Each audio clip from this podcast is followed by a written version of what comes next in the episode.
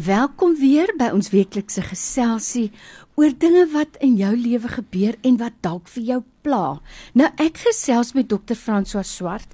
Hy's 'n kliniese pastorale terapeut en ons probeer om jou probleme uit te pleis dat jy op 'n punt kan kom waar jy sê ek kies lewe. So Dr. François vir jou tyd vandag vir so baie dankie. Ons waardeer dit. Dankie Lorraine, is lekker om hier te wees. Ons groet al die luisteraars. Nou ek kan dit nie glo nie. Dis nou al amper weer 'n jaar gelede wat ons begin gesels het oor Kerstyd en emosies wat so uithak oor Kersfees, nê? En baie mense het regtig, dink ek amper 'n baie idealistiese, ek wil amper sê 'n soetsappige idee van Kersfees. Dit moet net gaan oor samesyn en liefde en vrede.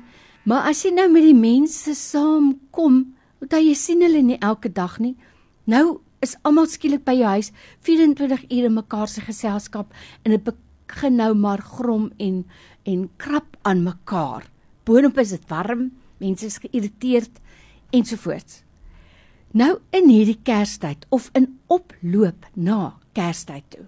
Wat maak 'n mens met vergifnis? Baie mense sê ek sal vergewe, maar vergeet nooit nie.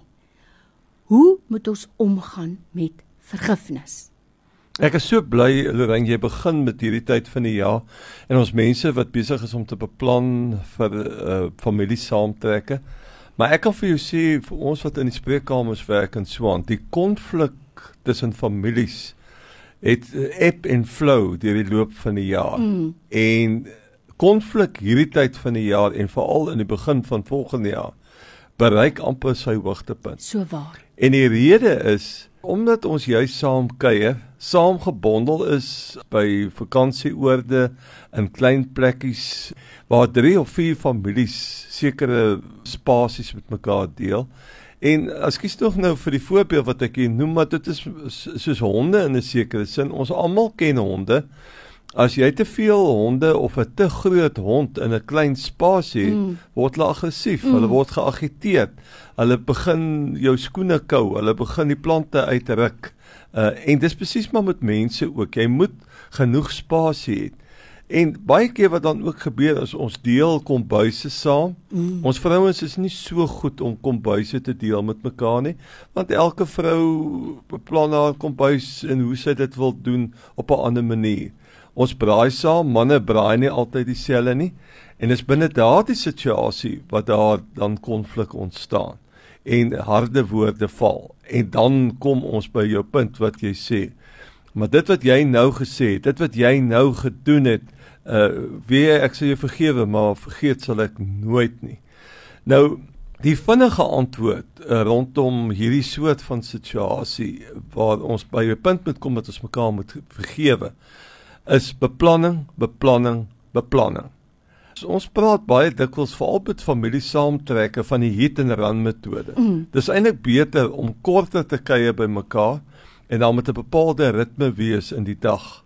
Dis as ons saam kuier en saam kook, dan is dit goed dat ons die oggende elkeen op sy eie tyd opstaan mm. en elkeen doen sy eie ding. Dis nie nodig dat ons dan saam kuier nie elkeen familie kan sy eie rigting gaan en so van 4 uur se kant af. Dan kom 'n mens eers by mekaar. Begin dan vleis braai of die, dit beplan en hier by 9 uur 10 uur se kant is dit tyd om te gaan slaap. Baie keer wat ook gebeur is daar's dranktersprake en 'n mens hoor goed en 'n mens sien goed wat die substansie ook maar veroorsaak dat jy oorgevoelig is. En dan beland jy in 'n situasie waar daar konflik kom. Maar hoe werk 'n mens dan met vergifnis? In 'n sekere sin is dit reg wat jy sê. Die brein het nie die vermoë om heeltemal te vergeet nie. Mm. Die Here kan vergeet. Hy sê dit vir ons in Psalm 103. Hy kan die sondes en uh, ons vergewe.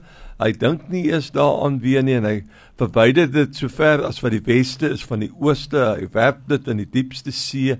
Hy dink nie meer daaroor nie. Maar jy en ek het nie 'n delete knoppie wat ons kan mm. druk en dan sit net weg nie.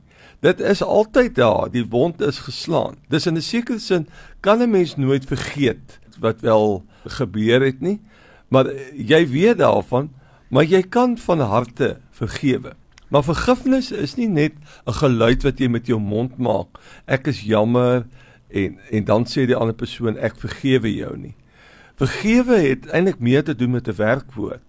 As jy vergewe, moet jy met jou gesindheid wys dat jy die persoon van harte vergewe met jou soort van optrede, met jou liggaamstaal, met jou ekstra uitreik na daardie persoon. Dis vergifnis is nie net 'n geluid nie wat jy uitspreek nie. Dit is 'n manier hoe jy jouself vir daai persoon gee dat die persoon regtig kan aanvoel dat jy hom vergewe. Ek wil graag hoor as jy 'n bietjie reflekteer op dit wat ek sê.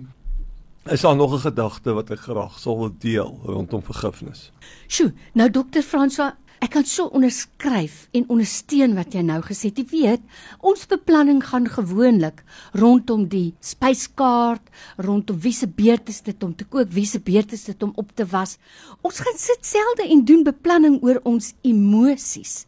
Nou as ek nou mooi geluister het wat jy sê, dan is dit dat ek vooraf moet van hierdie goed bewus wees. Hier gaan nou die hele tyd mense in my spasie wees, mense wat nie altyd saam is nie.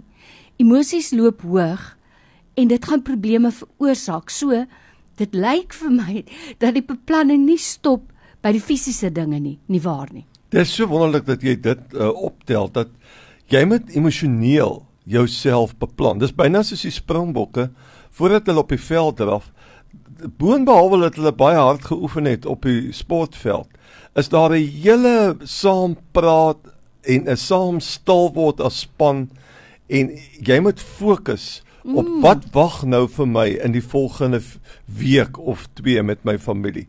En beplanning het ons gesê is baie belangrik. En daar is sekere temas. Ons sê elke huis, elke familie het sy kruis.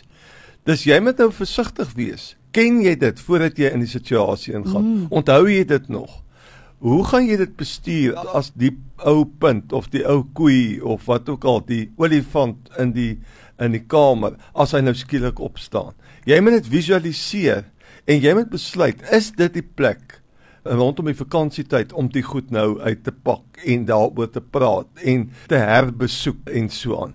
Of gaan ek op 'n sekere vlak kommunikeer met my familie. Daar's ses vlakke van kommunikasie. Ek gaan net op eerste en tweede vlak bly en as gesprekke te ernstig raak, ek gaan dit lig hou en die goed wat ek swaarmoedig oor voel of insidente wat gebeur, gaan ek dan op 'n planmatige manier baie keer saam met 'n neutrale persoon gaan ek dit deurwerk. Maar as daar 'n ding gebeur soos daar het nou 'n lelike ding gebeur, daar is goed wat gesê is, is dit belangrik dat 'n mens bymekaar kom, net jy en die persoon wat jy 'n verskilpunt eers het en kyk of jy dit nie kan uitgepraat mm. kry nie en vra vir mekaar mooi verskoning. En ons as gelowiges kan ons ook saam bid daaroor en vir die Here vra, gee ons die krag om dit agter ons te sit.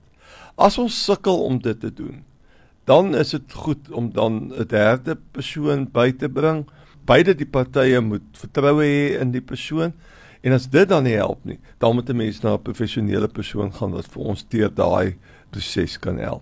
By my ateljee is Dr. François Swart, kliniese en pastorale terapeut.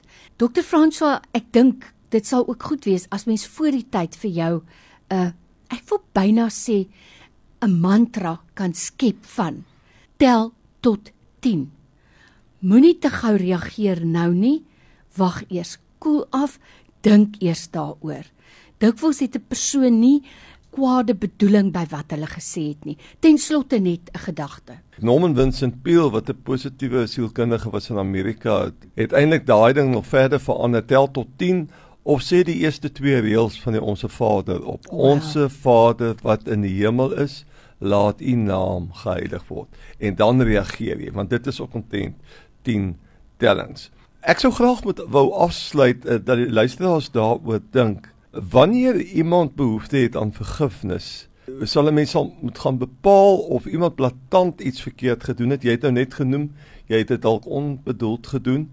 Maar voordat jy met die gesprek daar rondom aangaan, is dit belangrik dat jy by die persoon se gevoelens uitkom.